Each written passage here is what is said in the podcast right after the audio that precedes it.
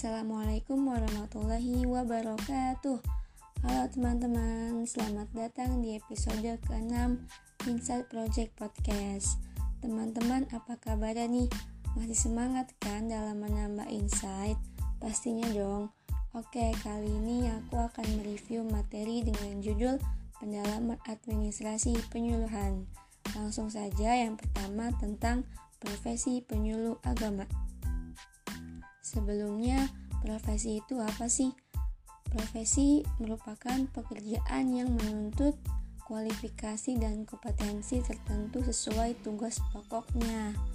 Sedangkan profesi penyuluh agama itu memiliki dua tugas. Yang pertama, tugas agama dan tugas negara. Tugas agama itu berarti amar ma'ruf nahi mungkar, artinya berdakwah. Sedangkan tugas negara itu melakukan bimbingan dan penyuluhan agama serta konsultasi dan pembangunan melalui bahasa agama. Pembahasan kedua tentang tugas dan fungsi penyuluh agama. Yang pertama, tugas penyuluh agama itu meliputi bimbingan agama, penyuluhan agama, konsultasi atau arahan agama, dan pembangunan dengan bahasa agama. Sedangkan fungsi penyuluh agama itu sebagai informatif dan edukatif, konsultatif, dan advokatif.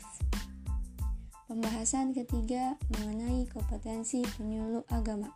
Yang mana yang pertama ada administrasi penyuluhan.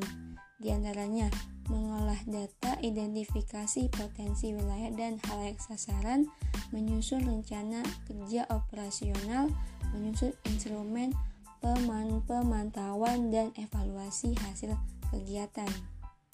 Kompetensi kedua, komunikasi penyuluhan yang artinya melaksanakan bimbingan atau penyuluhan tatap muka kepada halayak sasaran yang menjadi ke kelompok binaan.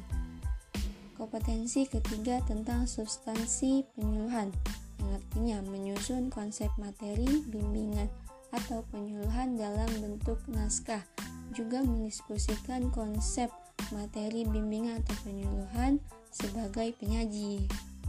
Kompetensi keempat tentang pengembangan profesi penyuluhan, artinya menyusun konsep juknis, bimbingan atau penyuluhan, mendiskusikan dan merumuskan juknis bimbingan dan penyuluhan, menyiapkan dan mengolah bahan atau data atau informasi tentang kajian arah kebijakan pengembangan bimbingan atau penyuluhan yang bersifat penyempurnaan teman-teman. Dan yang kelima, kompetensinya mengenai kepribadian, artinya gaya dan penampilan, sikap dan perilaku keteladanan teman-teman. Pembahasan keempat tentang etika profesi penyuluh agama. Nilai moral yang harus dipegang teguh dalam menjalankan tugas profesi penyuluh agama meliputi yang pertama, etika keagamaan.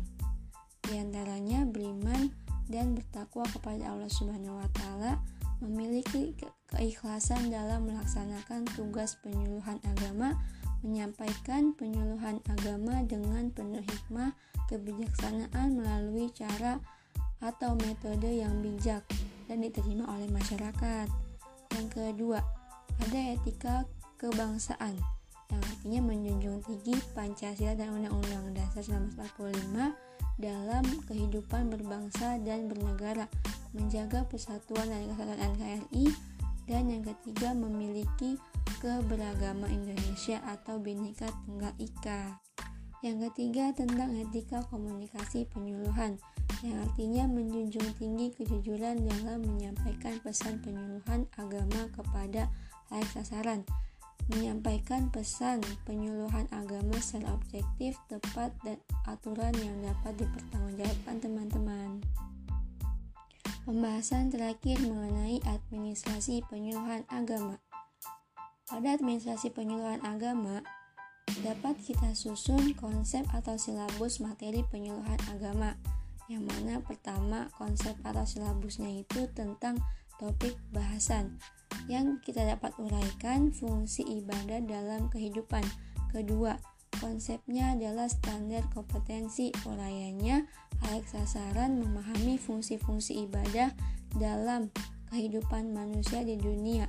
Yang ketiga, konsepnya kompetensi dasar uraiannya pertama menyebutkan perintah beribadah, menyebutkan kewajiban beribadah sampai menguraikan fungsi-fungsi ibadah.